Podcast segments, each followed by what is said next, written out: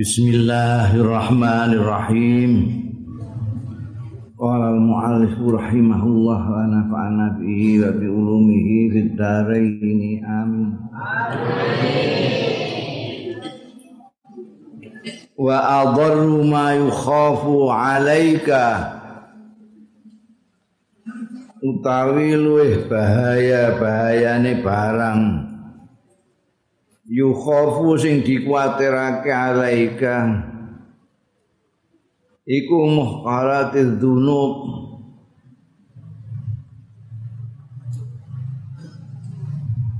Dosa-dosa sing dianggep empreh. Empreh-empreh dosa.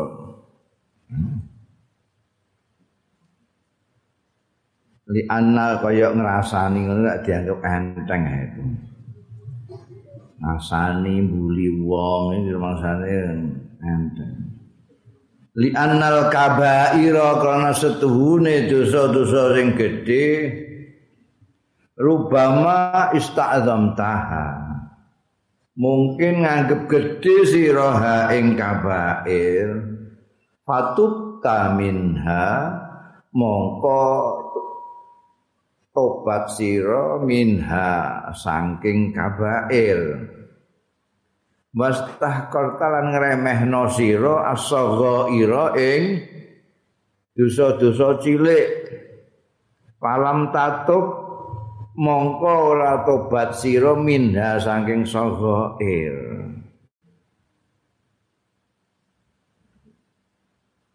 Nek sing gedhe-gedhe mbok perhatekno antek kejegrong ndang gage tobat. Bareng dosa-dosa sing mbok anggap enteng iku empreh ora tau mbok tobati. Mergo mbok anggap dosa cilik. Famisaluka mongko utahe tepo ira iku kaman kaya wong wajada sing nemu ya man asadan ing singa Fakhallasahullahu minhu mongko nyelametake ing man sapa Allah Gusti Allah minhu saking asad. Pawajada mongko nemu ya man ba'dahu sakwise asad. Nemu khamsina dzibban ing 50 apane dzibban aswajake serigala lah serigala cilik. Mangsamu gede singa. Asu ajak seket to tidak Wagolabu mongko ngalahake ngrindih ya khamsina ziban iki hu ing man Jangan anggap cilik dosa.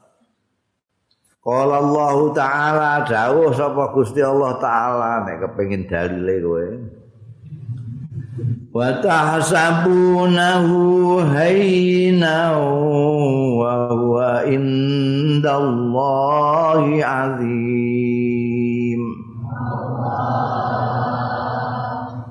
Iki dalile gosip wa barang iku iki. ayat ini tumurun nalika Siti Aisyah difitnah kae ana huwa sing mulai gawe huwa ya munafik wong-wong munafik iku. Disokno macem-macem ngantek menjadi opini umum. Wah ngantek kanjeng Nabi eh, hampir saja apa terpengaruh semua.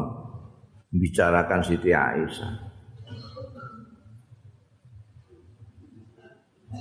Sing terkenal dengan hadisul ifki. Ifki itu yaitu apa tuduhan-tuduhan yang tidak beralasan itu ifki. Saiki ini terkenal huwa itu. wa tahsabuna lan nyono sira kabeh ing ifkiku mata kulunahu bi afwahikum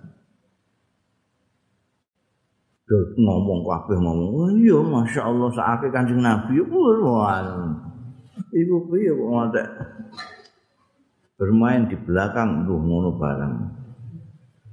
Kowe ngira iku perkara hayinan empreh. Wa huwa khali utai ifku iku indallah mung Gusti Allah iku azimun gedhe Pak. Wong samu empreh kuwi. Ku gak em. Mbok lakoni. Eh? Mbok share ana rene. wal kabiratu ta dosa gedhe iku hakiratun empreh remeh fi karamillahi ing dalem murahe kemurahane Gusti Allah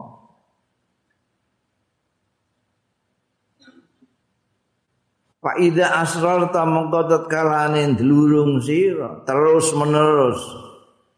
Ala saghirati ing atase dosa cilik sorot mongko dadi ya saghira dadi ku kabiratan gedhe. Eh? Cilik sedikit sedikit lama-lama jadi bukit. Nah kowe hati aja nyepelekno dosa cilik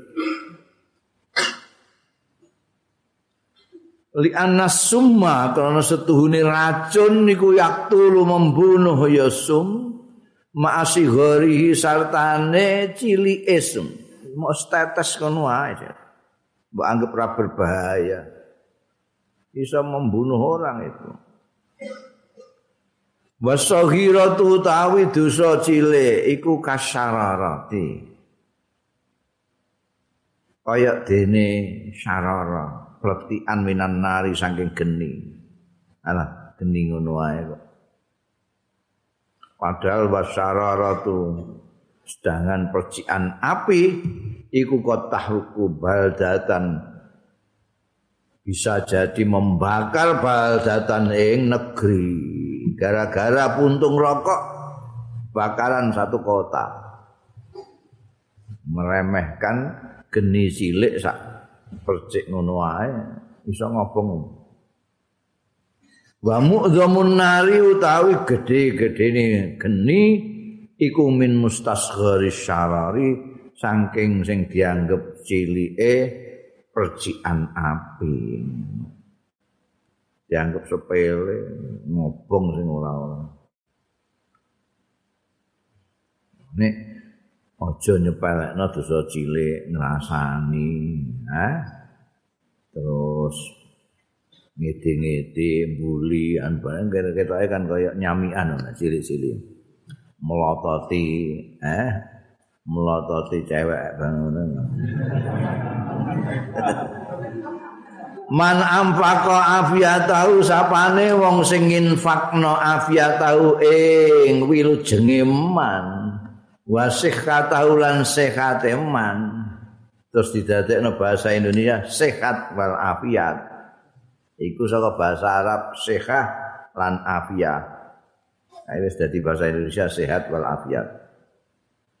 Sing sapa wong nginfakno sehat afiate fi maksiatillah ing dalem durakani Gusti Allah pamisaluhu mongko iku tepaning man iku kaman khalafalahu abuhu kaya dening wong khalafa sing ninggali lahu kanggo man sapa abuhu bapake man ninggali alfa dinarin ing sewu dina. Puluh juta. Pastaro biha hayatin dikai dhuwit 10 juta terus pastaro mongko tuku sapa man tuku biha kelawan alfu dinarin mau tuku apa? Hayatin ula borong ula wa aqari balan kala jengking kala jengking. Wa ja'ala halan dadekake yoman ha ing ayat lan aqarib kaulahu ana ing kiwa tengene man.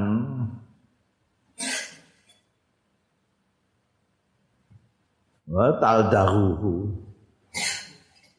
nyatek hu ing man apa hadiki marotan ing dalem satu ambalan wa talsahu lan ngentuk ing man apa hadi iki ukhra ing dalem marah sing liya ambalan sing liya. Apa mata tulu mongko ana to mata ini tau lah kira-kira hayat karo akorib mahu ing man hmm? berarti wong sehat wal afiat dinggo maksiat iku padha karo wong untuk tinggal warisan 10 dinar, 1000 dinar. 1000 dinar, wakih 1000 dinar. Juta. Dinggo borong ula karo kala jengking. Dingoni karo urip ngene. Kira-kira sedira-sedira cuatek ula. entuk kala jengking. Kira-kira matek ta ora. Iki takokane ngono. Iki. Wa anta tumahiku sa fi mukhalafati taisira iku nyak-nyakake asaat ing pira-pira waktu fi mukhalafatihi ing dalem nulayani Gusti Allah. Pama misaluka mongko ra ono misaluka tepo ira iku illa kal hada. Kaya dene alap-alap manu alap-alap.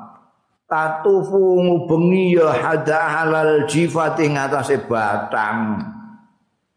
Kaitu mawajatat ha sekira nemu ya hada ing jifa.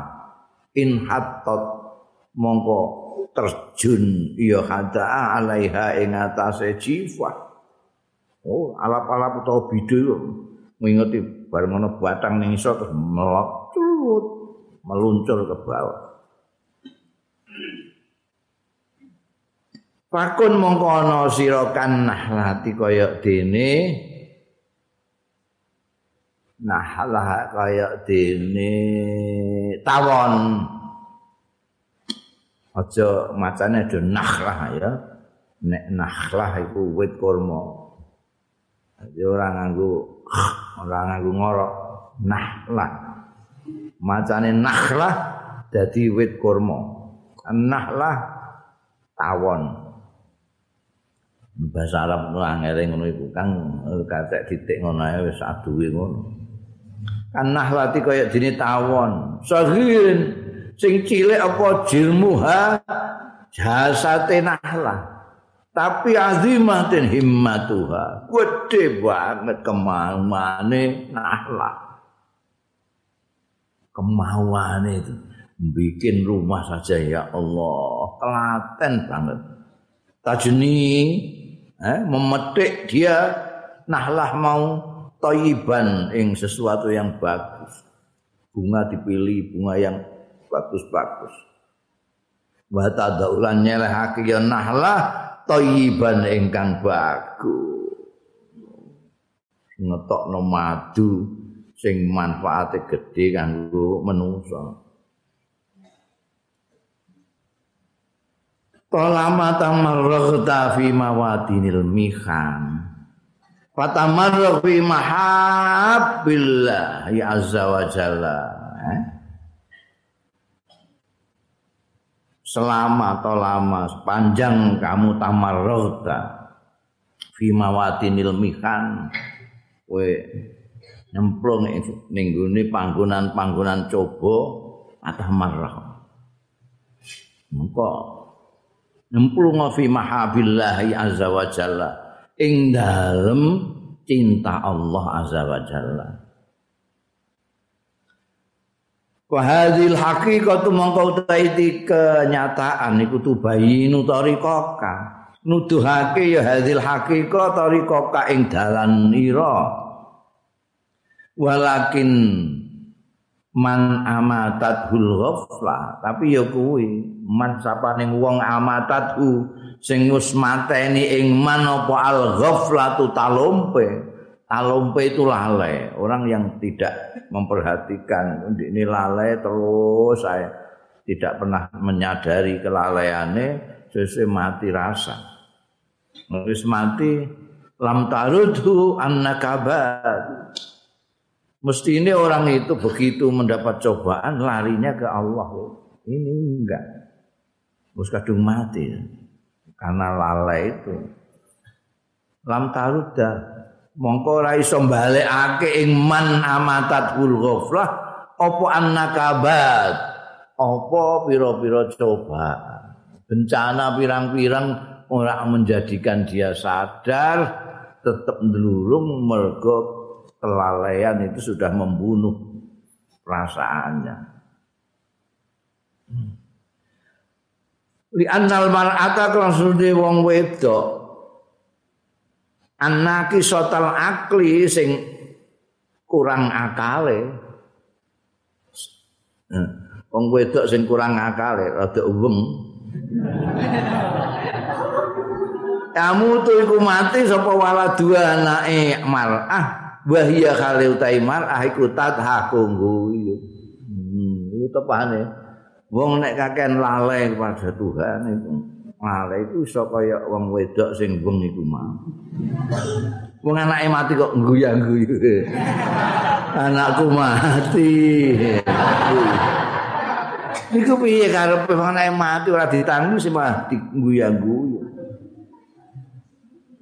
Nah itu kira-kira kira menyedihkan mana kepada anak ambean kakean dosa itu.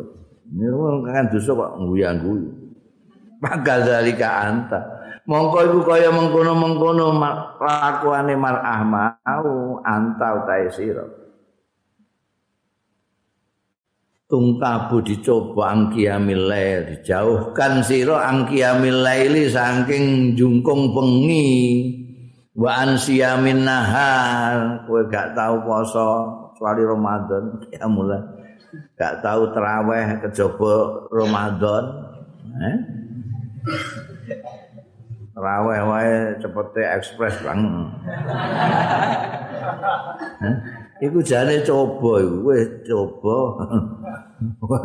Ya Allah gak tahu qiyamul lail. Ansiyamin nahar poso awan gak tahu liyane Ramadan. Wa fi jami'i jawarihi lan ing dalem sekabehane gauta gautamu walam tata alam. Dicoba awakmu barang itu. Wis ora rasa lara blas. Wa madzalika lan ora ana apa mengkono mau kowe gak rumangsa dicoba. Gak rumangsa kena bencana. Wong awase kok gak tahu mbayang tahajud. Mbayang bengi wayahe Ramadan tok poso Ramadan tok. Wa madzalika ora ana mengkono mau kabeh illa li annal ghaflata karena setuhune talumpe lalai kelalaian kot amata teman-teman wis mateni ya ghaflah qalbaka ing ati hatimu sudah mati jadi tidak merasa bahwa begitu itu merupakan bencana. Bencana itu kepengin swarga kok ora tahu nglakoni perbuatan swarga itu ya bencana li annal hayya kana sedune wong sing urip iku mesti yuk limuhu nakrul ibra. Nek urip lho nek urip. Iki bakas wong urip ora bakas wong mati. Li annal hayya kana sedune wong sing urip iku yuk limuhu nglarakake ing hay apa nakrul ibra? Apa cocokane dom? Dom cilik lagi terus nembe wong sing urip. Mesti jidan-jiduk. Waduh! Oh pengurip. Tapi nek ora urip. Walau kuti al mayitu lamun diketok apa al mayitu mayit bisuyu fi kelawan pedang. Wis blas lam ya ta'alam. Ora ngrasa lara ya mayit. Nek ngrasa apa-apa. Wis mati sae. Panta mongko utahe sira. Tina izin nalika iku iku mayitul qalbi. Mati hatimu. Kowe ya isih urip tapi hatimu mati, ora ngrasakno. Ngono iku bencana. Lah sepundi nasihat jenengan? Majlis ah, majlis, majlis. Lungguh sira majlisal hikmah. ning gone majelis hikmah eh ngaji joko ndelok TV terus ono main game terus tekani majelis hikmah. Fafihi mongko iku ing dalem majlisul hikmah. Nafhatun min nafahatil jannah. Ana semacam aroma min nafahatil jannah. Saking aroma-aroma swarga. Eh? Kowe nek ning mall ning Indomaret ora tau. Am kepegok ambune swarga barang. Nek ning pengajian kandhane no tentang surga. Ada aroma surga. Nafahat Tajidu fi tariqika nemu sira ha ing nafahatul jannah fi tariqika ing dalem dalanira wa fi darika lan ing dalem omahira wa fi baitika lan ing dalem kok mbok manan wong Jawa maknani dar ya omah bait ya omah dari itu saiki istilahnya apa rusun rusun. Jadi ini rumah susun, ini rumah. Jadi karena lokasinya terbatas kayak ning kota-kota gede ngono iku. Dadi ora ana kampung sing mrene iku gak ana, enake munggah. Jadi digawekno bangunan sing gedhe terus di gawe beberapa kamar-kamar iki jenenge saiki apartemen-apartemen. Wong sak keluarga manggon ning apartemen satu, apartemen. Ning gune Arab akeh iku. Omah iku ngono. Dadi tangga iku adalah tangga apartemen. Omah siji iku dar. Dar iki padha karo perkampungan, nek perkampungan kene wong ora munggah mendhuwur. wong kene lahane amba dadi ana tangga iku rene. Tapi sing lahan mok sithik iku tanggane mendhuwur. Setiap apartemen itu yang namanya bait bait semuanya namanya dar. Biasanya ning ngisor kono ana sing jenenge bawab tukang tunggu nek ana tamu dadi panggih kali fulan niku Kulan sing sida niku, kulan benan. Oh, niku tengene tingkat 3, kamar nomor 303. Oh, iku apartemen. Mek kaya hotel dar itu. Oh, bakas omah iku lha apa wong iki mbak. Wa fi dzalika ning gone, ha? rusunawaira wa fi baitika lan ing dalem apartemen ira Wala yafut kal majlis mongko aja ngantek ninggal ing sira. Ketinggalan sira al majlis wala yafut ka aja ngepoti ing sira al majlis majlis kamu kemana saja kamu jangan lupa itu nekani majlis hikmah itu mau Walau pun ta'ala maksiatin lah senajan ana sira ana iku ala maksiatin ning atase maksiat. Lagi maksiat kon mampir pengajian iki sepundi. Lho iya ngono ya. Timbangane ora kowe. Ngapik mampir mampir. Bermaksiat mampir ngaji. Ayo. Pala takul aja muni Jangan ngomong sira mal faidatu fi khuduril majlis.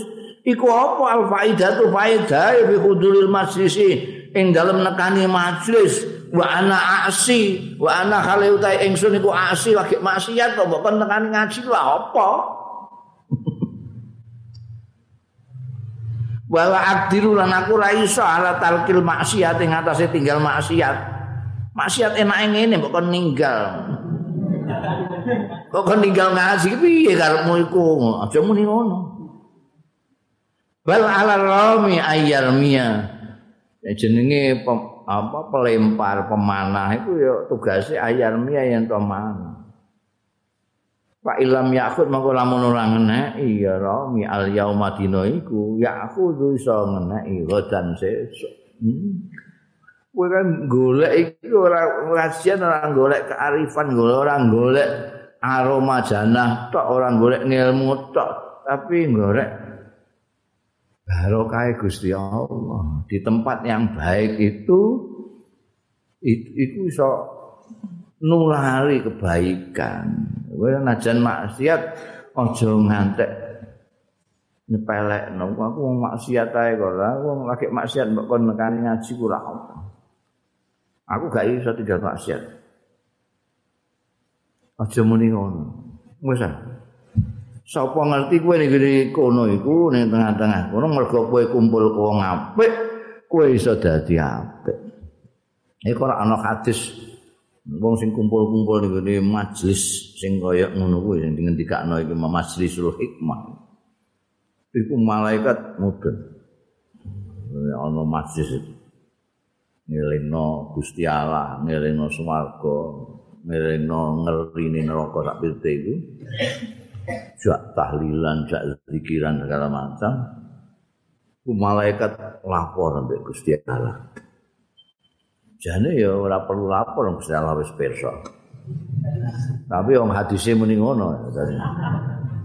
Lapor Gusti ngono teng letah mereka wonten tiyang ngumpul-ngumpul lha apa nggih yumajidunaka wa yuwahidunaka sam ngrembak jenengan nyuwijake jenengan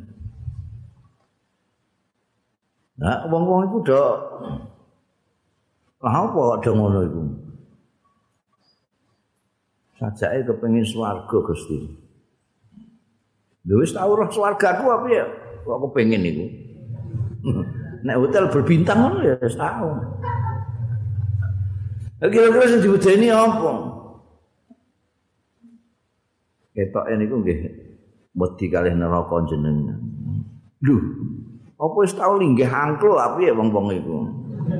kok wedi karo neraka aku ngerti dasate sadis neraka aku dereng saipo umpamane dia ngerti sadis neraka aku lak tambah sergep kowe nekani majlis ngono kuwi wis tak ngapura kabeh tapi hadis iki durung titik isih titik koma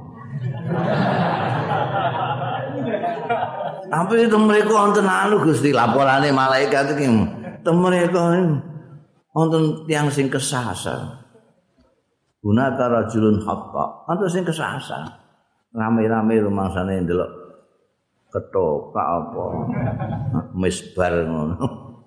Melbu kali-kali lho kok ngaji. Lah wis kadung ning tengah-tengah. Emeh menyata isin wis tengok-tengok ae. Wonten sing kesasar, mboten niat ngaji, mboten niat napa niku. Gusti Allah apike ya mulai katut tak ngapura. Oh. Mergo kumpul iku mau, kesasar iku di ngapura. Apa meneh sing niat? Turu ya. Wong kesasar entuk, apa meneh sing teko ngantuk ya.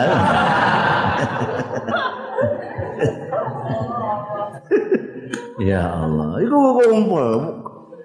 Iku barokahe kumpul wong ngaji entuk ngaji senajan kesasan. Apa meneh kok ngupe ngantuk, ngantek keturun, ngiler barang ora. Wes wis katut wong ora kesasar ae. Hmm? Ya. Allah mulai. Barokahe kumulane iku kan ning nyanyiane anu kae kan termasuk wong soleh kumpulan. Kok kowe kowe rasok ora pati soleh lah kok iso suwe-suwe iso soleh. Krikil iku lho krikil. Iku kumpul tempe malah diregani. Tempe sih sewu. Ya. Kowe kan tuku krikil sewu gelem tapi ya. Bareng dikne ning tempe katut sewu dene. Senajan kowe kedele tapi ya gak gelem kumpul kancamu sing padha-padha kedelene. Eh, nasibmu ditotol pitik kowe. Ngono ya. Hmm. Terus ah, kowe maksiat lah anu apa sempat no mampir ngaji. Kira ngono lah karepe sempat no mampir ngaji aja muni anu. Gak kena saiki eh kapan-kapan. Hmm. Kapan-kapan sesuk lah gak, gak saiki kowe entuk barokah ya.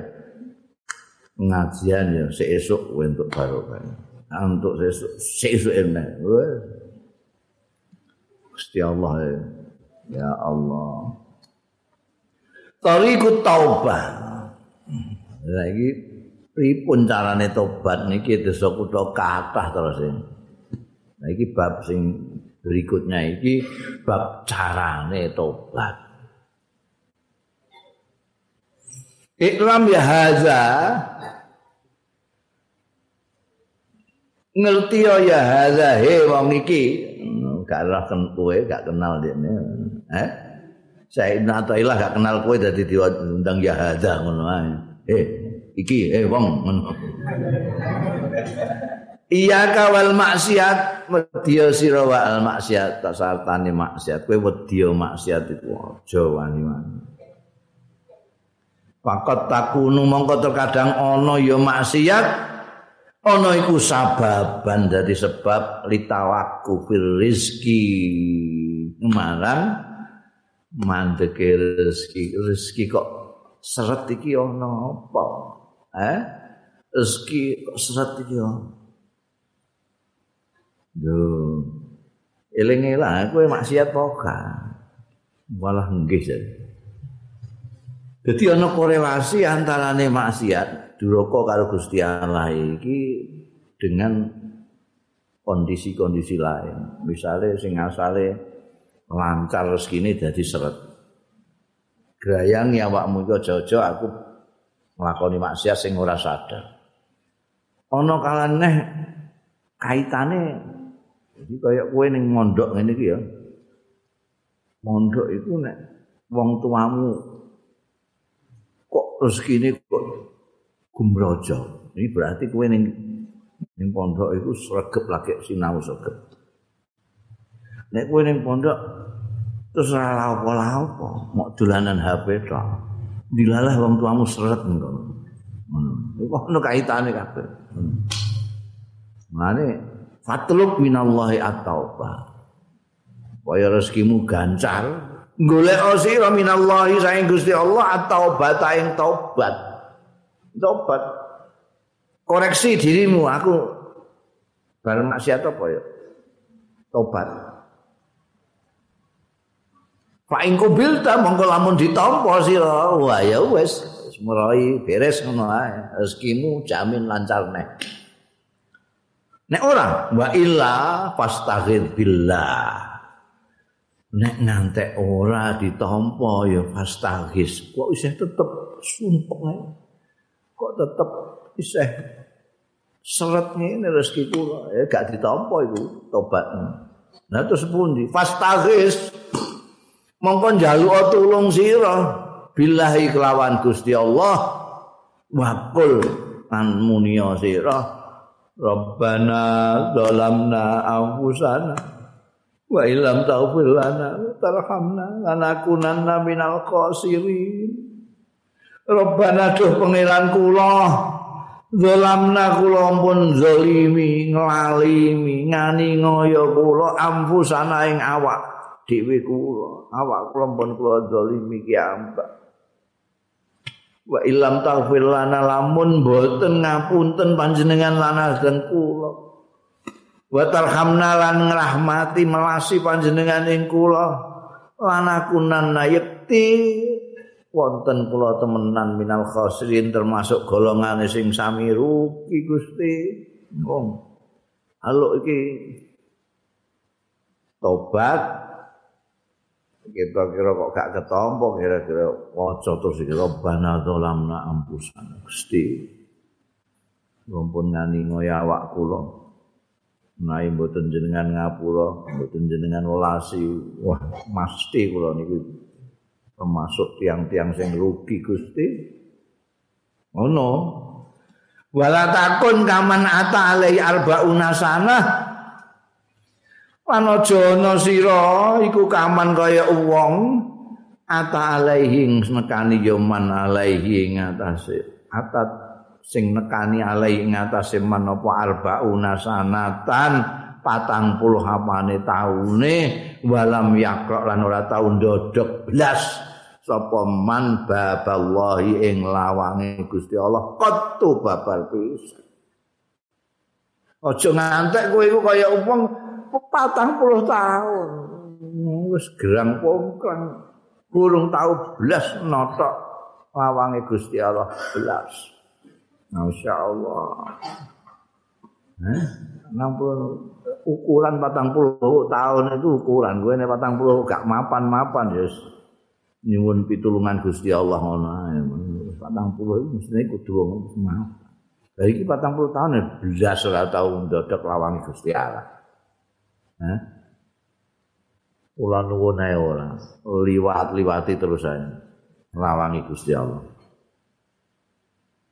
Ma aksaru mayu khafulan. Wih, gede-gedene akeh-akeh barang yu khafu kang den kuwatirake. Alaika ing atase sira. Ya maiku suul khatimah wal iyadu billah. Elake ungkasan wal iyadu billah. nyun pangreksan bila itu alam Gusti Allah taala. Jo ngantek suul khatimah. Bisa babi itfa'i jamratil iman sebab mateni meletes mateni mawane iman. Iman itu ibaratnya menyala-nyala ini dipateni bisa wadil isyan kelawan ireng-irenge maksiat. Apa ireng-irenge maksiat? Wah iya utai jamrat apa? Sawadul isyan iku adzambu ala dzambi iku dosa di atas dosa. Dosa iki durung dijaluk nang ngapura gawe dosa dosane dosa nang. Atayas wadal qalb sehingga witeng apa alkohol buati min ghairi taubatin saking tanpa taubat. Aja ngantek. Aja ngantek padange iman iki akhire ketutupan karo ireng-irenge maksiat. Dosa di atas dosa di atas dosa. Gak ketok. Jamratul iman gak ketok. Itu padha ae kowe karo mateni jamratul iman. Bahaya. Iyaka wedya sira anta tahawana fi a'malika. Yen embrono ngremehno sira fi a'malika ing dalam amal-amal ira wa tahtar. Wa tahtara lan milih sira at-thayyibating perkara-perkara sing enak limir hadika kanggo kako sira. Kalimate kok golek enak-enak sate gule eh ndok dadar ambel terong gua apa iku? Gua kakos gua eh? Gua proses ning inu emok sithik tok sate iku inu emok semene tok iki nek lewat semene karo tempe padha wae. Ambel terong ambekan gule padha wae nek semene. Engko suwe-suwe ya kakos kabeh enggak Wahgar lan si hati-hati nafsaka mewaspadai nafsaka ing awak ira nafsu ira. Alati baina jambaika kang ana ing antarane lempeng loro ira. Di dalam diri kamu itu ada yang namanya an-nafs. Hati-hati ya ono sing jenenge an-nafsul ammaratu bisu itu kudu mbok perhatikan tenan waspadai tenan ini kadang-kadang ora iso dikandani wong iku mergo sing gak gelem nafsune. Wahia mongko nafsuka.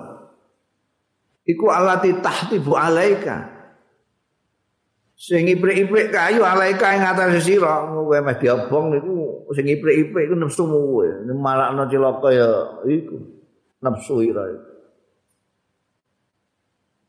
Sumalatu fariku sahibah mongko ora gelem ninggalno ya lati nafsuka sahibah ingkang anduweni nafsu dadi awakmu. Ini belas gak gelem ninggal terus. Ilal ilal mamat ya ilal mamat ya tumakaning mati Mereka nafsu itu sudah dipasang sejak awal. Within istilahnya. Dipasang sejak Jadi gue begitu lahir gue sama nafsu. Jeruk ini ana malaikat, ana nafsu nih. Nafsu. Ana nurani, hati nurani tapi ana nafsu. Ini gak bisa pisah sampai mati. Iki kudu waspadai ini. Wasaitanu yufariku nek setan iku yufariku iso ninggalno kowe kowe yufariku. Setan iso misah. Di Ramadan misalnya, ini bulan Ramadan setan gak ono gentayangan. Kenapa? Li'annahu tughallu fihi syaitan terus dunia. Lakuan iku tughallu dirantai fihi dalam Ramadan apa asayatin. Setan-setan itu dirantai bulan Ramadan itu. Jadi ra setan mau kamu aku. Lah kok anten tiang maksiat, seatan tiang sing duraka, seatan tiang sing berbuat kejahatan. Ana sing ngebom barang. Waru bama situ. Mungkin nemu sira maning wong yak tulu sing mateni ya mong. Mateni wong. Fihi ing dalam bulan Ramadan. Waya srikulan nyolong ya man. Kok wonten tiyang sing mateni wong, wonten tiyang sing nyolong bareng tegene bulan Ramadan. Nek setan dirantai. Fahadha mongkau tai iki iku minan nafs. Ku mau sing sudah dirakit ning awakmu sejak awal dulu kenal setan itu. Senengane setan pancen kong kali kong karo nafsu itu ngono lho. Kong kali kong. Mulai tambah kuat. Nek arep jahat iku kuat mergo ning kene ana nafsu setan balane. Ditambah iklan TV wah tambah dadi. Oh ngono. Jadi mulane iki pertanyaan yang sering ditanyakan kan itu. Katanya tanya Nabi kalau bulan Ramadan setan-setan itu dibelenggu. Kok masih ada orang yang jahat saja? Ya itu bukan setan ancane setan sing ning jero kene jenenge an-nafsu itu. Eh, setan itu sejane kok ora duwe kuasa terhadap kita kok. Tapi nafsu kita itu sing gawene atut niku. Setan itu tugasnya mau ngiming-imingi tok. Kita sendiri yang kepengen mergo diiming-imingi karena kelemahan kita diiming-imingi terus kepencot. Kenapa kita gampang diiming-imingi? Karena di dalam diri kita ada yang namanya an-nafsu itu. Mulane tadi disebutkan hati-hati waspada terhadap nafsu itu. Wahdzar nafsaka allati baina jambaika. Itu ada. Gawat iku nafsumu kuwi. Niku wah apa kong kali kong karo setan ya sebar ngono bar nah setan niku wong nah setan niku berarti itu ya. Berarti setan niku kekancan karo nafsu nempong itu berdasarkan pangkat-pangkat. Jadi nek kue apa jenenge wong rakyat jelata. Itu Sing godho kuwi ya rakyat jelata. Nafsumu ya nafsu rakyat jelata iku. Jadi mulane ora ono kok setan wong rakyat jelata santri barang di digodha supaya ujub supaya hasud itu gak ono gak ono. Santri hasud lah apa? Wong ora apa-apa kok hasud-hasudan sombong barang tapi nek wong sing duwe kelebihan iku dikek digodha ambekan setan sing berkelebihan gampangane iku ana setan sing kopral, ana sing kapten, ana kolonel, ana sing jenderal. Ana sing santri ibtidaiyah, sanawiyah, aliyah, ana sing kiai. Sing kiai yo digolekno setan kiai. Oh. Mulane aja gawak kowe nang kiai kok ngono. Ya mergo sing diutus setane kakancan karo nepsune. Nafsumu sing kudu hati-hati. Ramadan barang itu, mulane ya rada lembek mergo kancane sing jenenge setan iku dibelenggu. Nafsu dhewean. Tapi saya tetep iso jahat ya. Fa idza malat ilal maksiyah. Dadi kowe sing tetep sing berkuasa kowe, ora kok nafsumu. Nek kowe ora gelem manut nafsumu, dene ora iso apa-apa, gak iso maksa kowe. Wong kowe sing kuwasa. ngono. Lah nek kowe kabotan njaluk karo Gusti Allah. Sing nitahno kowe. Gusti kula niki sepuh di nepsu kula kok ngeten iki. Kula rak bal nek jenengan jarake mawon. Ngono. Njaluk karo Gusti Allah. Nek nepsumu fa idza malat tatkalane condong ya nepsumu. Ilal maksiati marang maksiat. Begitu condong ning maksiat fadzat kirha mongko ngelingno sira ing nafsumu iku bi adzabillahi kelawan siksane Gusti Allah. Su nafsu eling siksane Gusti Allah. Masya Allah kowe apa kepengin digeraji ndasmu? Hah? Dilingno Masya Allah kowe ya ana ya ini kok ngelawan Gusti Allah itu wal qati'anillah elingno nafsumu dilingno wal qati'ah wal qati'atilan putus hubungan anillah kang Gusti Allah bisa babi sebab mail ilal maksiat ma. Hati-hati. Nafsumu kandhane kuwi aja sembrono. Ngantek kowe maksiat. Engko terus diputus hubungan karo Gusti Allah taala. Kowe konal kandung dhewean. Gak ana sing nulungi. Kapok kowe. Wong kabeh iku Gusti Allah sing nentukan. Ngantek ditinggalkan Gusti Allah kowe apa wal asalul masmumu utawi madu al masmumu sing dikeki racun wong ngarep nglacun wong kan ya mesti nganggo sing manis-manis ben gak ketara.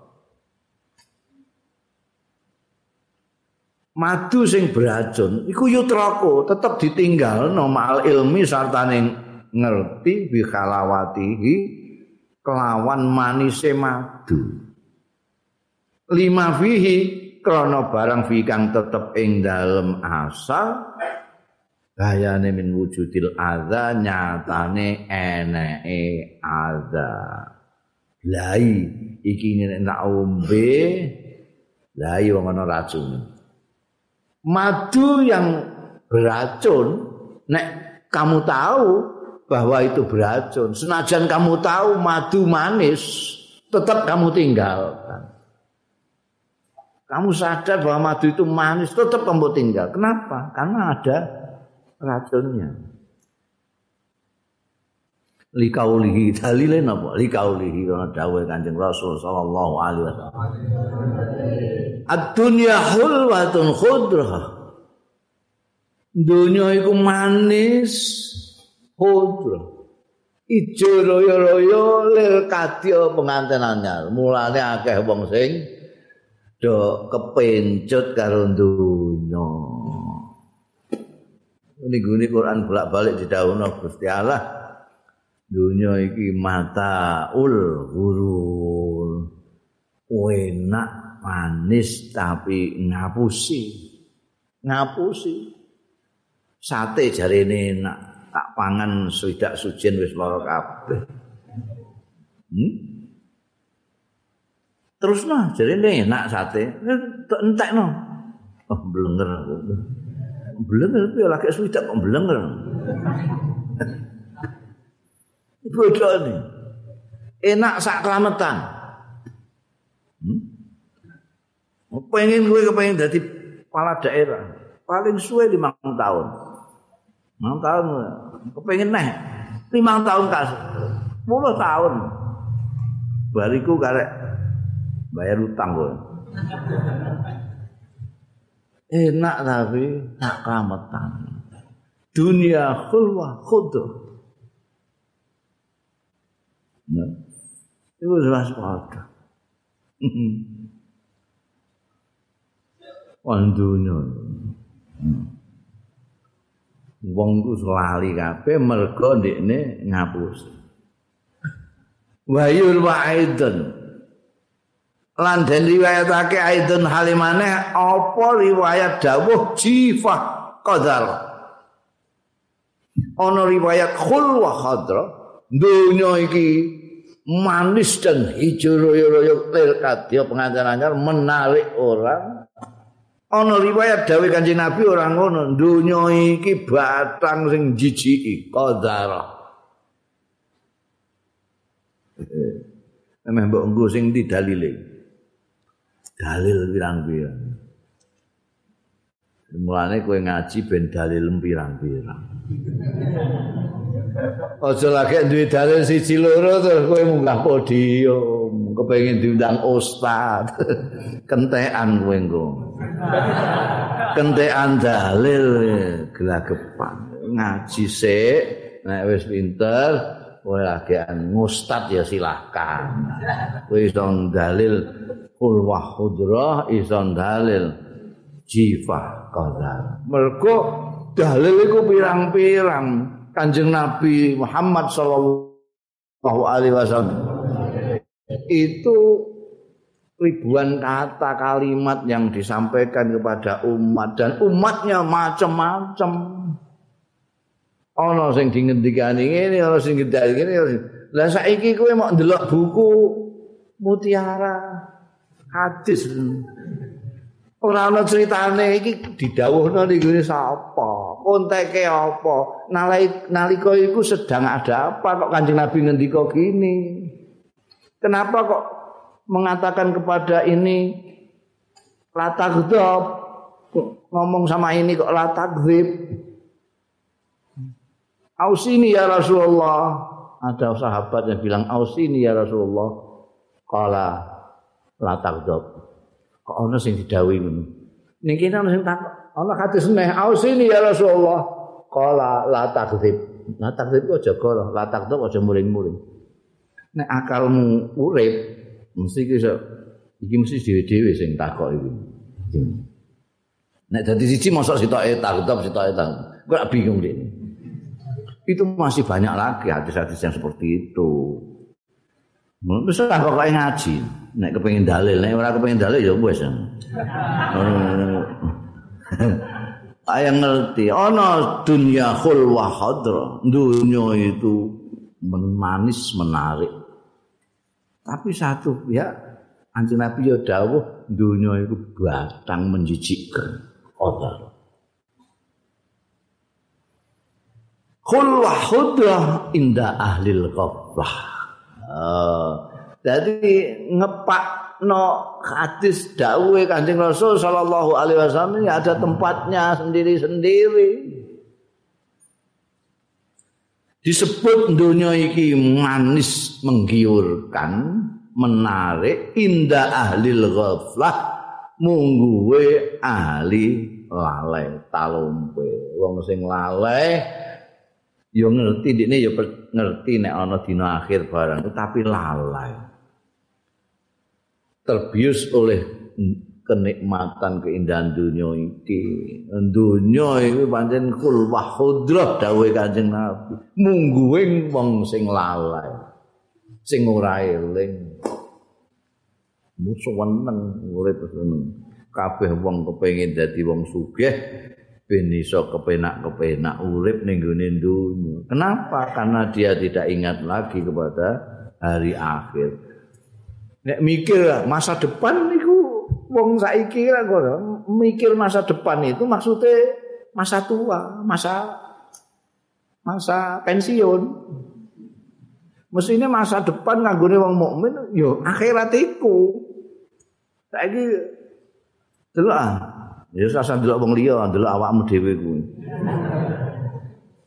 Iku sing mbok investasi kanggo masa pensiun, embek investasi ning masa dina akhir akeh endi ngono wae.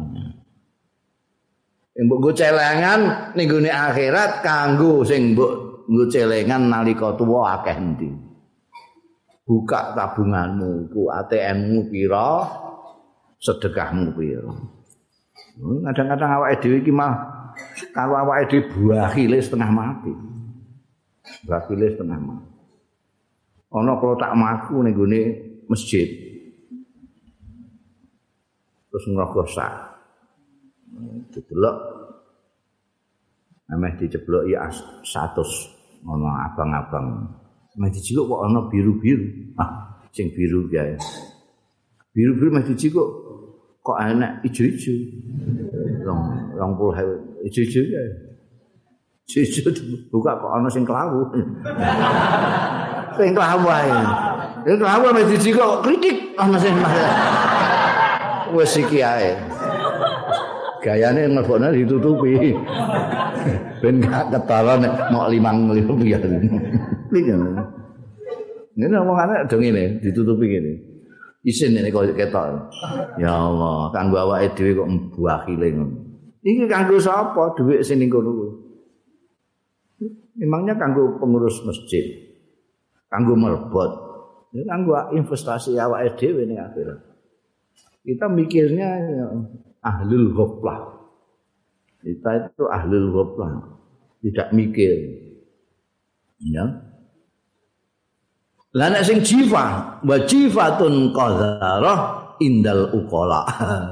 Imbandinge ahlul ghaflah ambek ahlul uqala. Wong-wong sing duweni akal terus saya urip akale iku mikir-mikir ya. Dunya iki kayak batang blok-blok. Tak goleki sirah tanggo sikil-sikil tanggo sirah.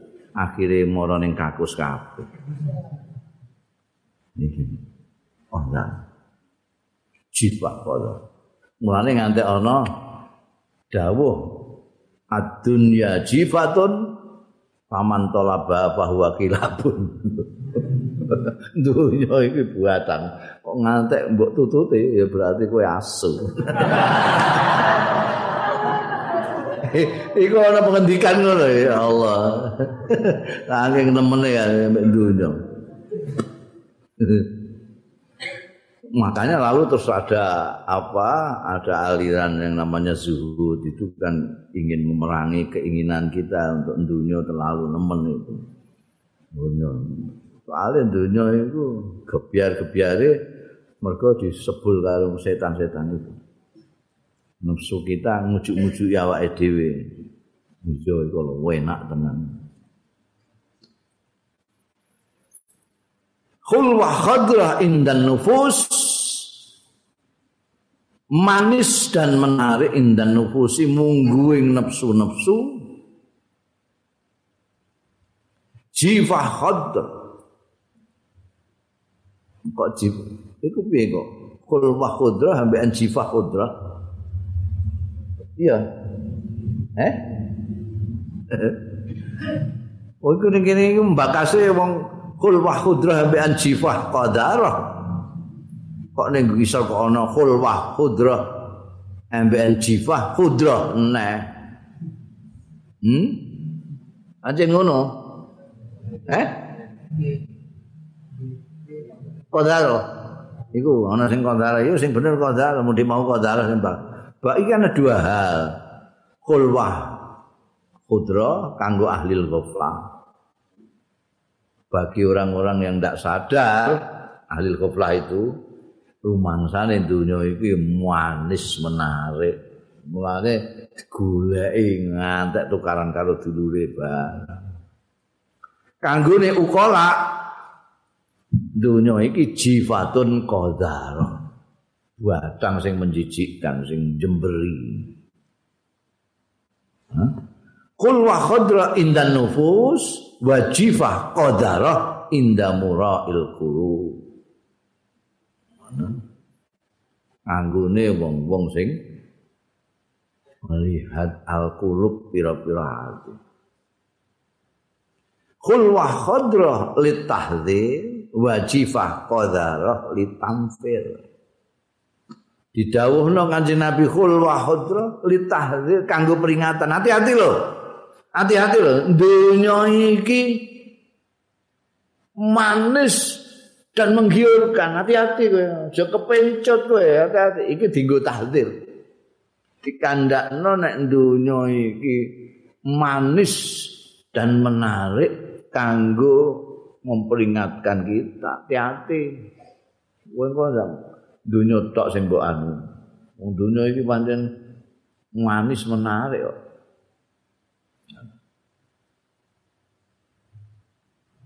Wajifah qadara litanfir. Dawe jifah qadara batang sing jijiki. Litanfil kanggo mlayokake supaya wis mlayu ngono ae. Nek iki malah gek tahdir, hati-hati lho ya. Iku menggiurkan lho dunia iku tapi bahaya. Nek iki dunia iku watang senane. Coba golek supaya kowe mlayu. Ya Allah, batang ya. mesti mlayu tanfir kanggo mlayokake kita semua. Fala tahda'annaka bi halawatiha. Mongko Fala tahda'annakum mojo ngantek embujuk temenan ing sira apa bi halawatiha kelawan manis donya. Fa inna akibata mongkostune akibate donya iku murratun pahit. Hati-hati kowe ketoke ngono iku tapi akhire ku pahit. Wong sing apa jenenge? Donya tok iku akhire enteni ae saking senenge karo donya ngantekan tamak, ngantek korupsi. Lah akhire mlebu penjara. Terus sakake dulur-dulure eh anak bojone sak piturute iku piye? Hah? Jadi ini, di ini nalika korupsi yang jalno ae malah mbok keploki ya Pak sing akeh Pak. saiki rasane ngono ngono akibate sok terus tukaran kalau dulu ya gara-gara dunya ora ana wong tukaran gara-gara ayo-ayoan swarga iku ora ana ya ayo-ayoan dhuwit ayo-ayoan kursi ayo-ayoan bangsa ngono-ngono dunya kul wa khudrah tapi jifah qadarah Idza qila laka nalikane tetkalane diucapake laka marang sira. Manil mukmin iku sapa? Al mukmin wong sing mukmin iku sapa? Kowe jawab piye nek ditakoki? Wong mukmin iku sapa? Diwarai jawab embek saya ibnu Athaillah fakul mongko jawab sira nek ditakoki? Sapa wong mukmin iku? Fakul mongko jawab sira? Wong mukmin iku allazi tala ala aibi nafsi. Wong sing weruh ala aibi sing ningali ya lazi ala aibi nafsihi ing atase epe celane kekurangane awake dhewe. Lazi walam yang lan ora nisbatake ya man akhadan ing seseorang minal ibadi saking kawula kawulane Gusti Allah ora dinisbatake ila aibin maring cacat. Iki warane Syekh Ibnu Athaillah sakandarane. Luar biasa. Nek kowe ditakoki wong mukmin sing sejati ku sapa? Jawaban. Orang mukmin yang sejati adalah orang yang melihat cacatnya sendiri orang yang melihat app-nya sendiri, orang yang melihat kekurangannya sendiri. Kenapa bisa begitu? Karena dia selalu sibuk dengan dirinya, dengan app-nya sendiri, dengan cacatnya sendiri, dengan kekurangan sendiri. Tidak melihat orang lain, tidak menisbatkan orang lain, orang lain itu cacat, orang itu elek wong iku ngene wong itu bukan orang mensejati sing digoleki epe wong liya lali epe dhewe dilihat kekurangan-kekurangannya orang lain karena sibuk mencari kekurangan-kekurangannya orang lain sampai dia lupa dengan dirinya sendiri. Wong mukmin gak ngono, mukmin didhisikno awak. Awake didhisikno aku iki duwe cacat. Aku kok sengol karo wong sing misa. Ternyata aku dhewe seneng aku misa. Aku kok ngelek-ngelek wong sing do rasan-rasan. Ternyata aku iki nggayemi karo rasan-rasan. Selalu introspeksi. Iku wong mukmin. Ora kok sing sithik-sithik wong liya sing dididingi. Iku wong kok ngono kae lah potongane motong-motong nang wong. Mbok sekali-kali motong-motong nang awakmu. Potonganku iki lho kok ngene ngono lho. Kok potongane wong terus sing mbok delok.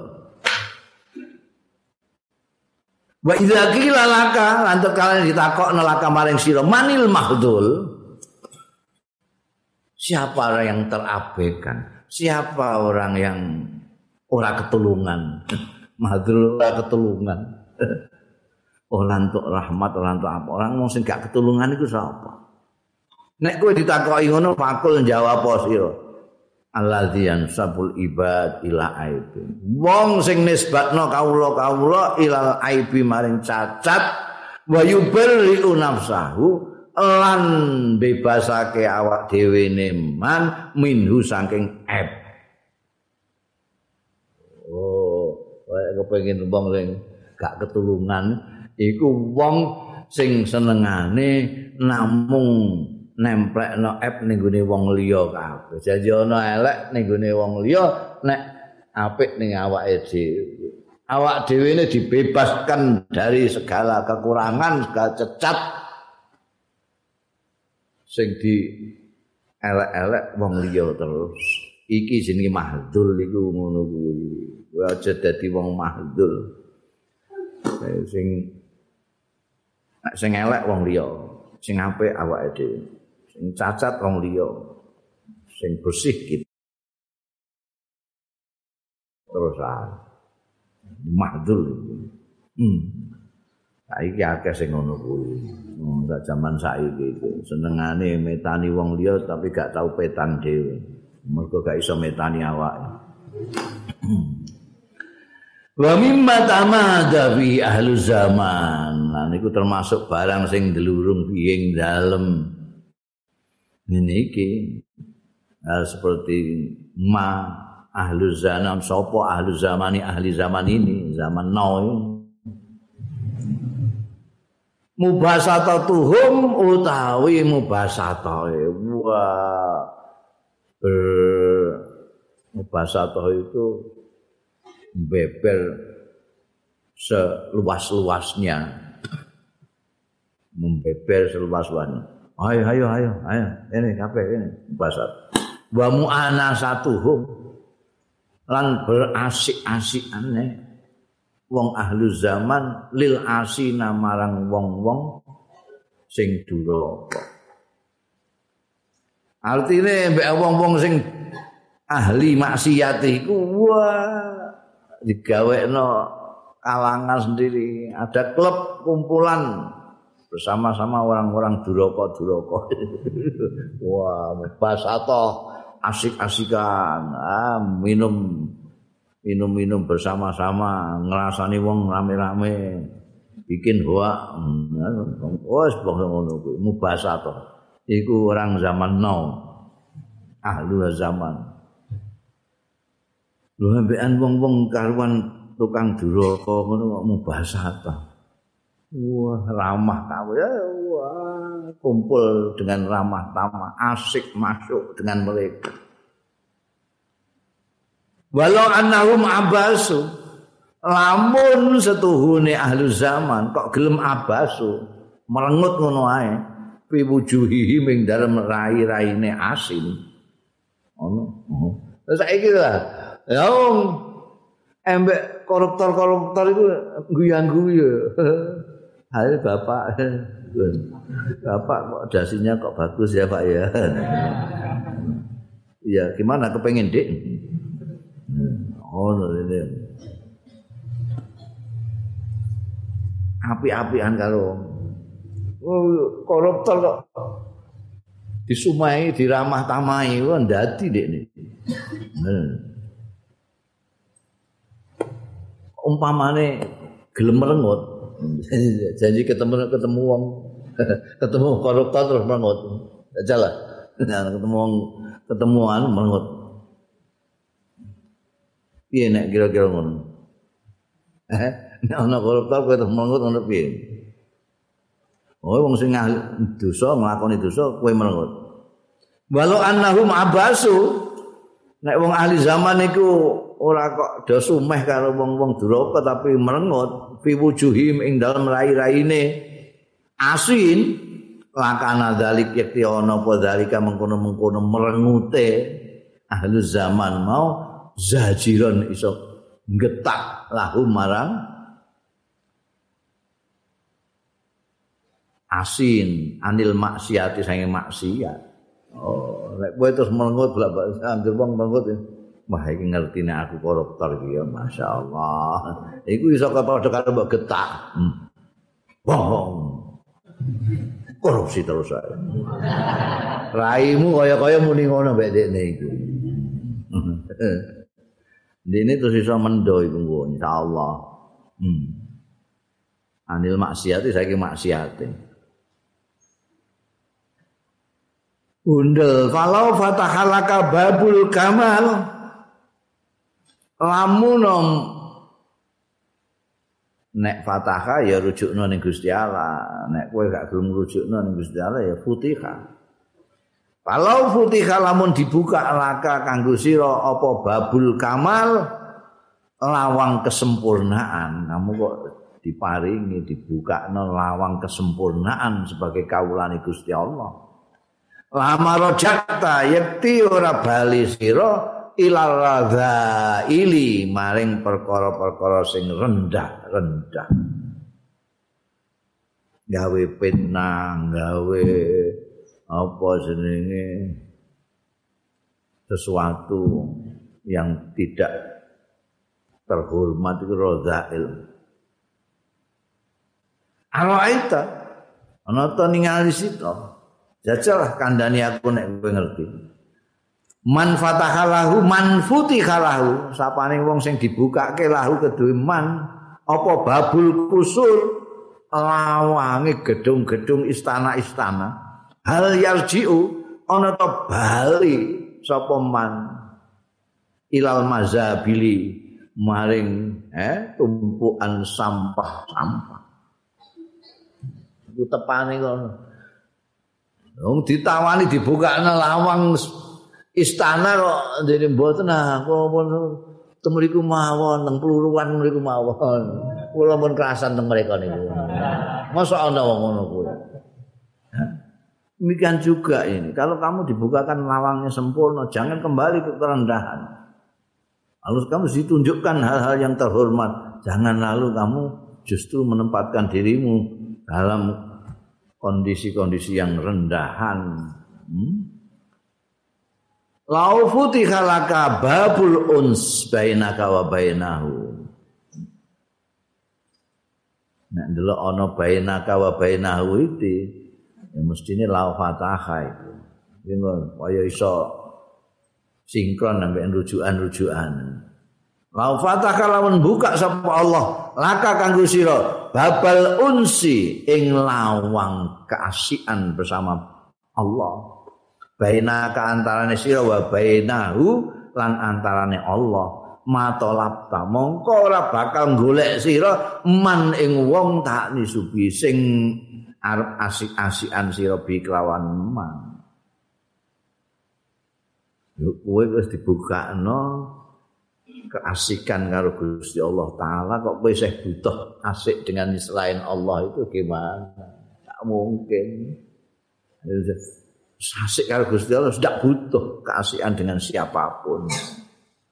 Lau ikhtara kalamun milih ing sira sapa Allah rububab li rububiyati kanggo kepengiranane Allah.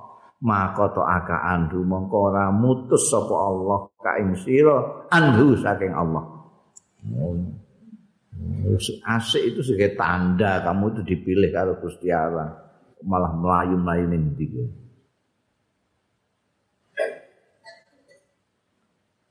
Lao kurim ta'alaihi lamun den mulyakno sira alaihi ngatasé Gusti Allah maromaka mongko ora melempar apa Allah kain sira li ghairi kang kuliyane Allah. Gusti Allah wis mulyakno kowe di ha? Gusti Allah semuanya kan kok Gusti Allah. Cara apa konsepnya tasawuf itu semuanya itu disadari semua dari Allah. Apakah kamu itu eh, baik atau buruk kan Gusti Allah. Tapi ada anda tanda ini kue dibuka no lawang kesempurnaan kamu masuklah jangan kau malah melayu. Di, ibaratnya kayak dibuka no lawang istana. Eh, mau istana kok kue melayu nih tempat sampah?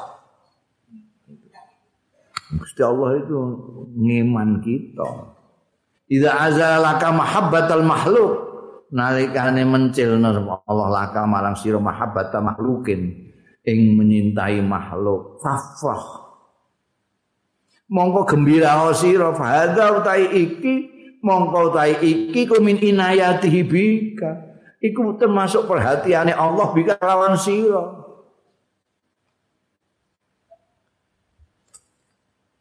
Nek kowe ngantek ora dikeki eh, kecintaan kepada makhluk.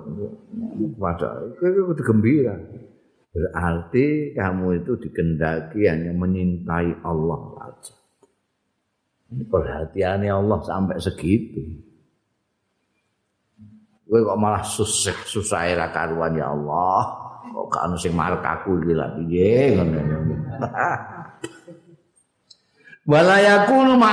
Illa wa dzulmaha ora tinemu apa maksiatun maksiat illa wadzul kejaba kehinaan iku ma'aha sartane maksiat. Apa taksihi wa yuzuka ana to maksiati sira ing Gusti Allah. Wa yuzuka lan mulyana sapa Allah ka ing sira? Gak mungkin. Kalah. Gak kalah. Ora iso. Maksiat itu barengane karo kehinaan tidak kemuliaan Nek kowe maksiati Gusti Allah ndurakani Gusti Allah, apa Gusti Allah mulya awakmu? Ya tidak. Wong maksiat itu kaitannya dengan kehinaan. Tidak mungkin kamu ndurakani Gusti Allah terus dimulyakno Gusti Allah. Wah, apik kowe ndurakani aku, tak mulyakno kau kalah. Fakat Rabatul izza ma'at ta'at. Teman-teman menghubungkan sapa Allah al izza ing kehormatan, kemuliaan ma'at ta'ati sartane ketaatan. Hubungane kemuliaan dengan taat. Wa rabatul dzul lan wadzulla lan ngubungake kehinaan ma'al maksiati sartane maksiat. Fasolat mongko dadi apa taatuhu naati Gusti Allah iku nuron cahaya wa izzan lan kemuliaan. Wa kasfa hijabin lan tersingkapnya hijab. Wa dituha lan dadi apa kosok wang sule taat artine maksiat.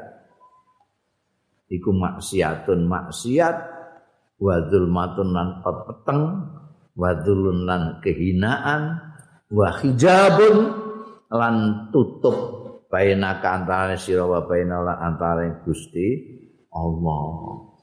Nah. Jadi kaitannya itu kaitannya taat itu dengan kemuliaan, kaitannya kehinaan dengan maksiat. Jadi nek kue taat ning Gusti Allah taala, itu artinya ada cahaya untuk kamu, ada kehormatan untuk kamu. Kamu bisa muka syafa. Kasaf itu kamu bisa lihat segala sesuatu yang orang awam tidak bisa melihat. Kasaf. Ngerti. Kamu bisa apa jenenge ngerti malakut sak itu. Tapi nek kowe kakek maksiat, ya wis ora iso.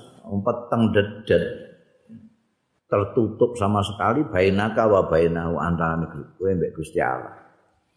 Bayange ora tahu kelingan Gusti Allah. Padahal dawuhe Kanjeng Nabi antak budallah ka'annaka tara. Enggak ono sembayang ka'annaka tara. Kowe itu nek sembayang iso ketok Gusti Allah pokok. Atau minimal kau merasa bahwa Allah melihatmu.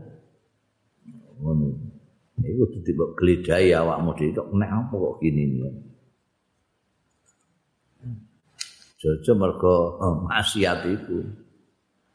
Walakin ma mana aka syuhud illa adamu wuqufika al hudud. Atangking tetapi ne ma mana aka ora nyegah ing sira minas syuhud saking syuhud menyaksikan Allah.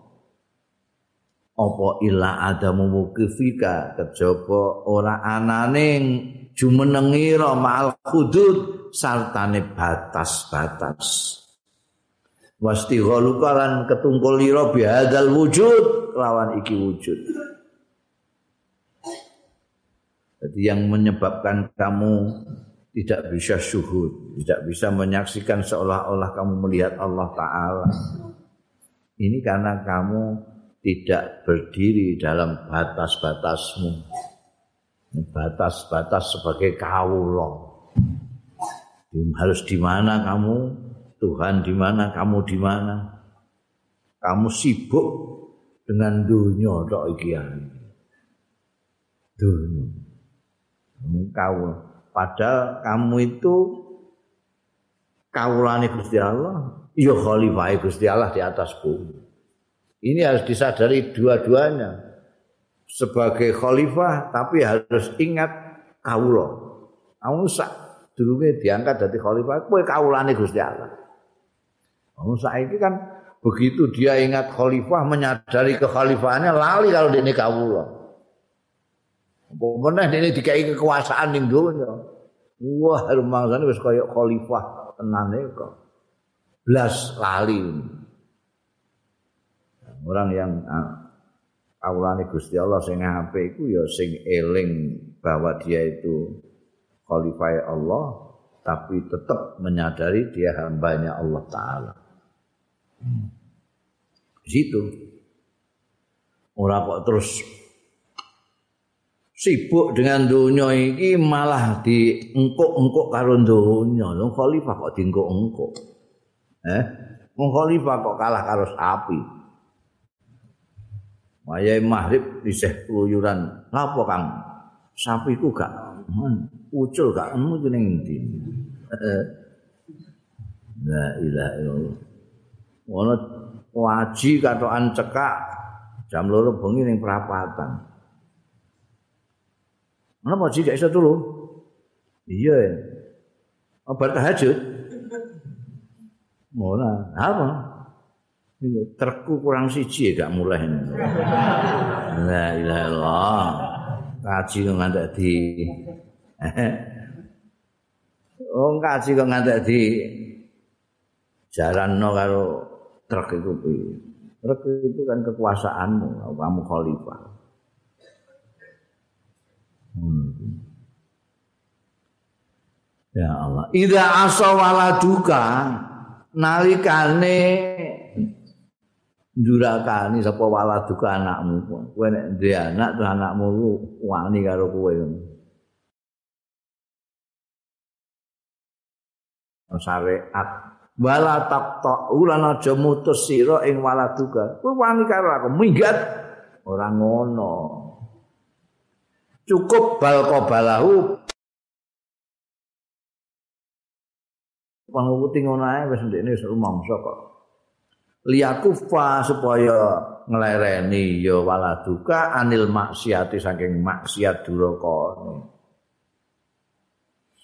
bundel wa aksaru mau kaya akeh barang yakulu kang mlebu alal mukmini ngatasé wong mukmin iku aduh idza kana asyan. Adakhalu. Adakhalu. Idza kana asyan. Akal itu nyacat Bila kana asian tetkalane ana sapa mukmin ana iku asian maksiat.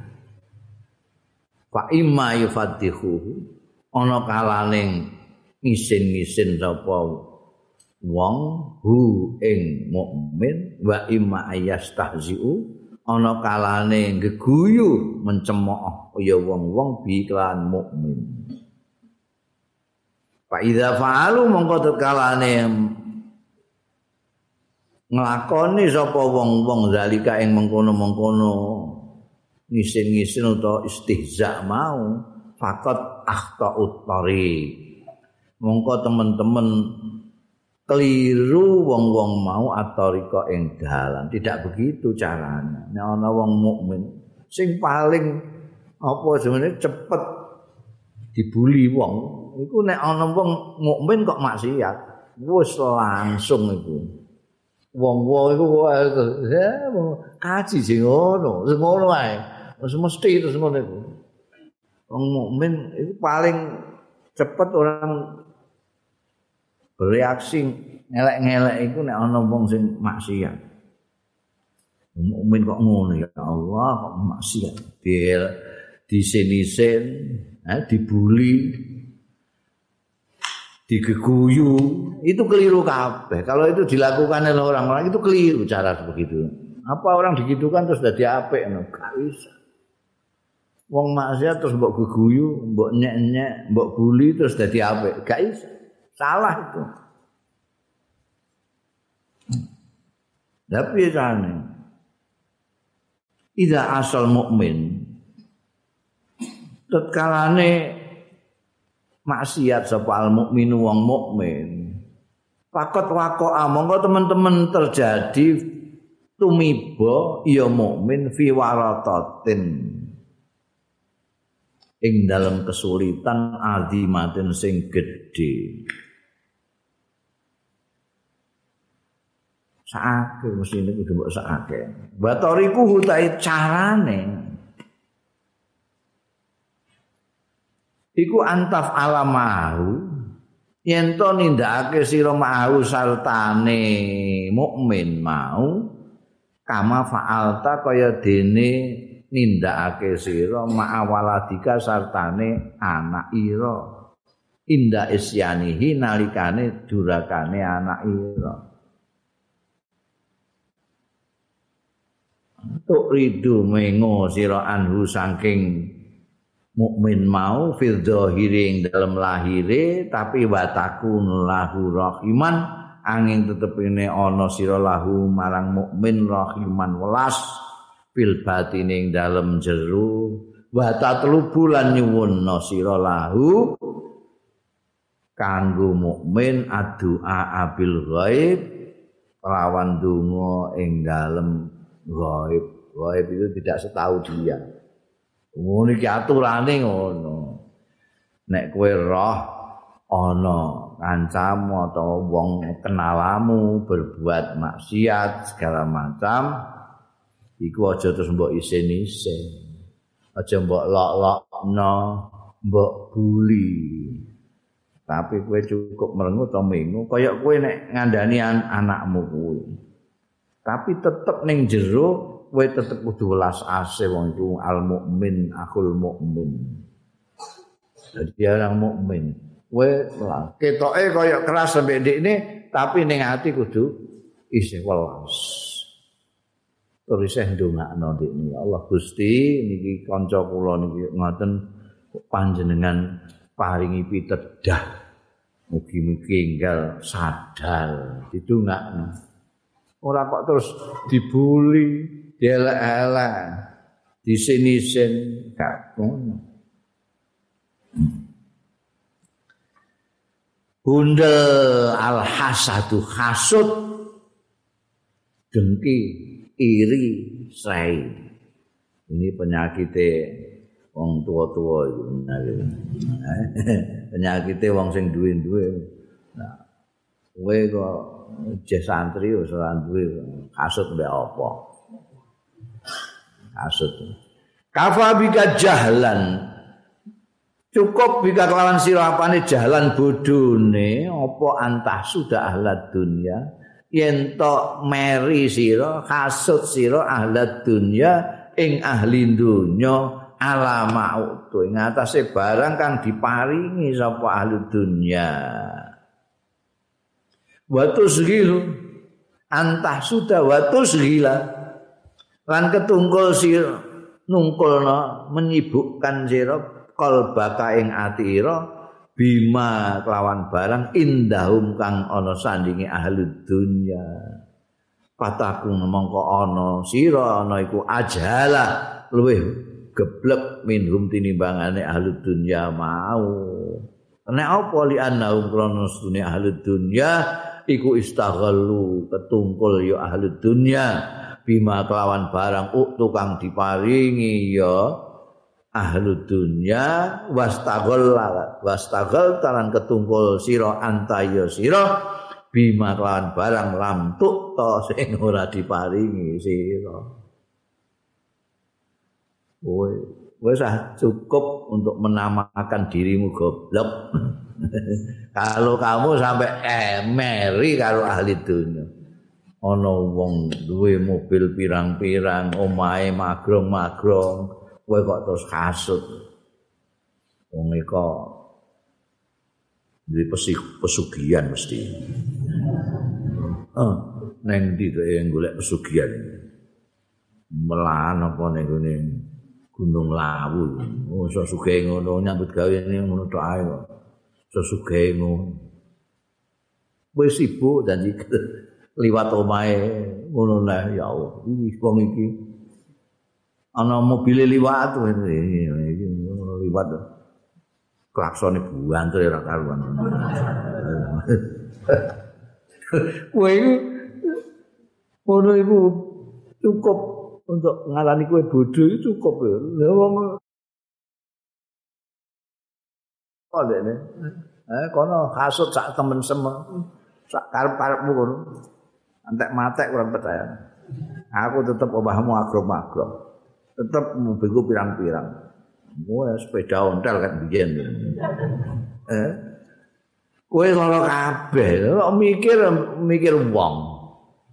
Wongnya gak kepikiran karo kowe. Kowe nek kowe ngarani, wah itu wong ora tau ibadah mesti. Oh, waktu ini mau dimunggulek, gue ndodok Nunggu itu lah apa ngono kowe? Lah kowe luwih bodho timbangane ndekne.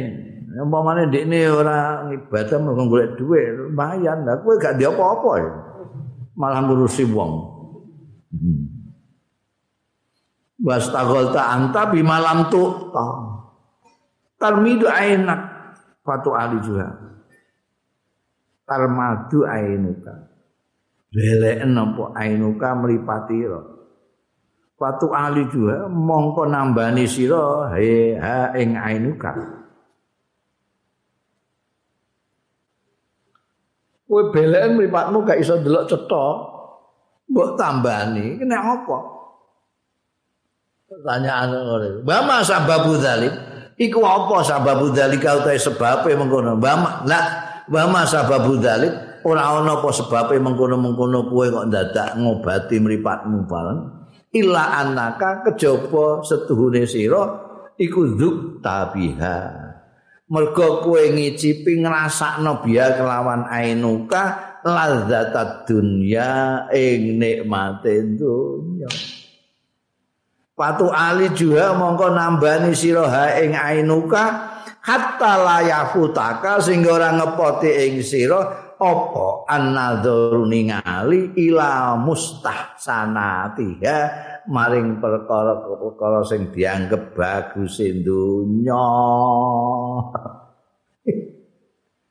Ya Watal matulan belek napa basiratuka mata hatimu arba'ina sanatan patang puluh tahun falatu ali juga ora nambani sira ing mata batinmu pikir iki.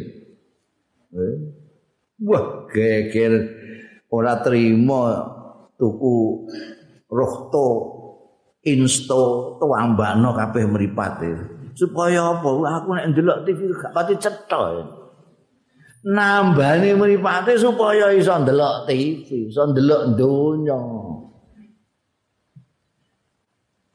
Aik ning dia, sing spesialis mata ning dia.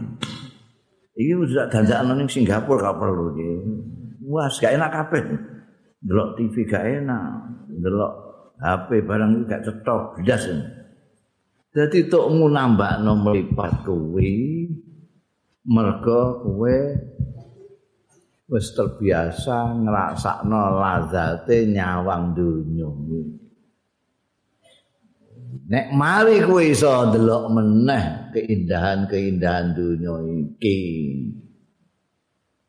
Saiki pikiran mata hatimu iku beleken malah wis ora ngerti apa-apa patang puluh tahun ora mbok tambah no ora tau mbok tambah no iki yang meripat ngono ae ndanggake mboko ning Singapura. Keperluane ben iso ndelok TV tok. Mata hati sampai 40 tahun kok gak tahu didandakno. Nek perlu dioperasi mata hati itu. Hmm. Wa lan ngerti sira. Anak umran setuhune umur Dui asing den sia-siake apa awal kawitane umur. Iku hariun wis sak mestine apa antuh fadha. Yen to direksa apa akhiruhu. La antah fadha ento ngreksa sira akhirahu ing akhire umur. Ka imraatin kaya dene wong wedok kana laha. kang ana lah kedue imro'ah apa asratu auladin sepuluh pira-pira anak mata minhum matek minhum saking asratu aulad apa atun songo wong wedok duwe anak sepuluh sing songo mati. Artine karek siji. Wa baki alan kairi apa wahidun siji?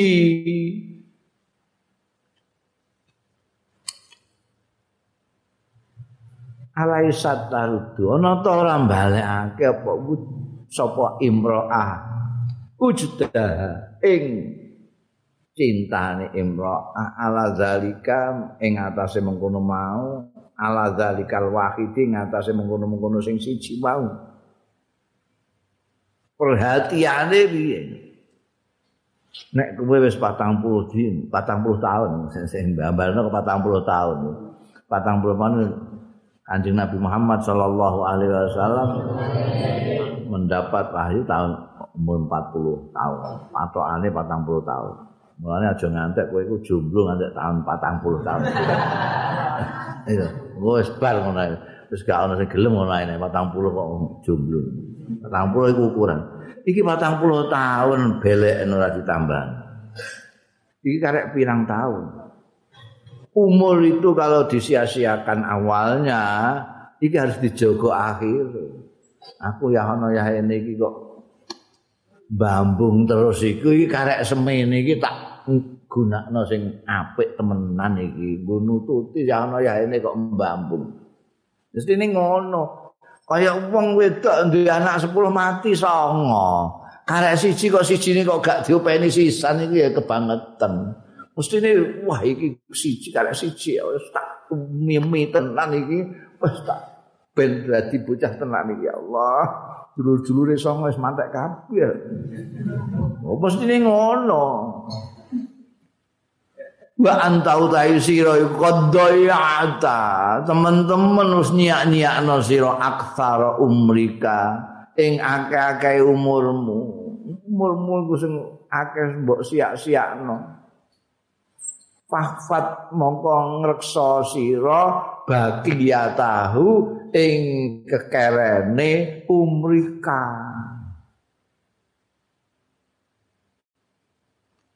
Wahya utawi bagi ya iku sobabatun yasira. Itu makanya seberapa yasiratun sing sithik yang ngeturan mok sithik Wallahi demi Allah ma umru karono tayu merira iku min awali yaumin wulita saka kawitane dina wulita kang dilahirno sira. Bal umruka balik utayu merira iku min awali yaumin ing dalem kawitane dina arafta kang kenal sira Allah ing Gusti Allah taala. Ya. Dadi nek ngitung umur iku aja mbok mulai saka lahir munggo lahir saya tahun sekian sekian. Dadi saya sekarang aja dihitung umurmu nalika kowe kenal Gusti Allah itulah. Kenal Gusti Allah sampai sekarang ini kira-kira pirang tahun. Nah, sekian tahun kue setelah kenal Gusti Allah iki apa yang kamu lakukan kaitannya dengan Gusti Allah sebenarnya? Ku mau Gusti Allah itu mbok dadek nopo? Hah? Apa mbok nggo meden-meden sawah ngono ae? apa mau mbok nggo kembang lambi tok ae sak sithik Allahu akbar Allahu akbar apa-apa iki soalnya dihitung umurmu mulai dihitung itu mulai gue kenal Gusti Allah. Mulai kenal Gusti Allah. Mereka Oh ya, ini orang kenal Gusti Allah, ya gak dihitung. Well, kawan dosa tahun kok kawan dosa terus kena gus ya derek wis gak umur kowe. Wis bayi kowe. Ben umurmu dihitung itu mulai kowe kenal Gusti Allah. Enggak iki wis kenal pulung Nah, wong gak kenal Gusti Allah kok arep nyenengno Gusti Allah ya ora mungkin. Nah. Boleh ridani Gusti Allah itu maknane nyenengno Gusti Allah. Kalau kita tidak mengenal bagaimana kita mau menyenangkan mencari ridhonya. Lakeh wong sing gak kenal menyenengno. Kowe ngerti kenal aten-atene kepengin nyenengno kancamu kowe ngerti ya senengane sambel terong iki. Eh mulai seneng nek tak sambelno terong. Mergo kowe kenal ambek dekne. No. Nek kowe gak kenal, huh, ambek mbahmu, mbahmu teko terus kepengin mulyakno mbahmu, saking senengmu karo mbahmu, terus mbok sugoi marneng sak toples gua.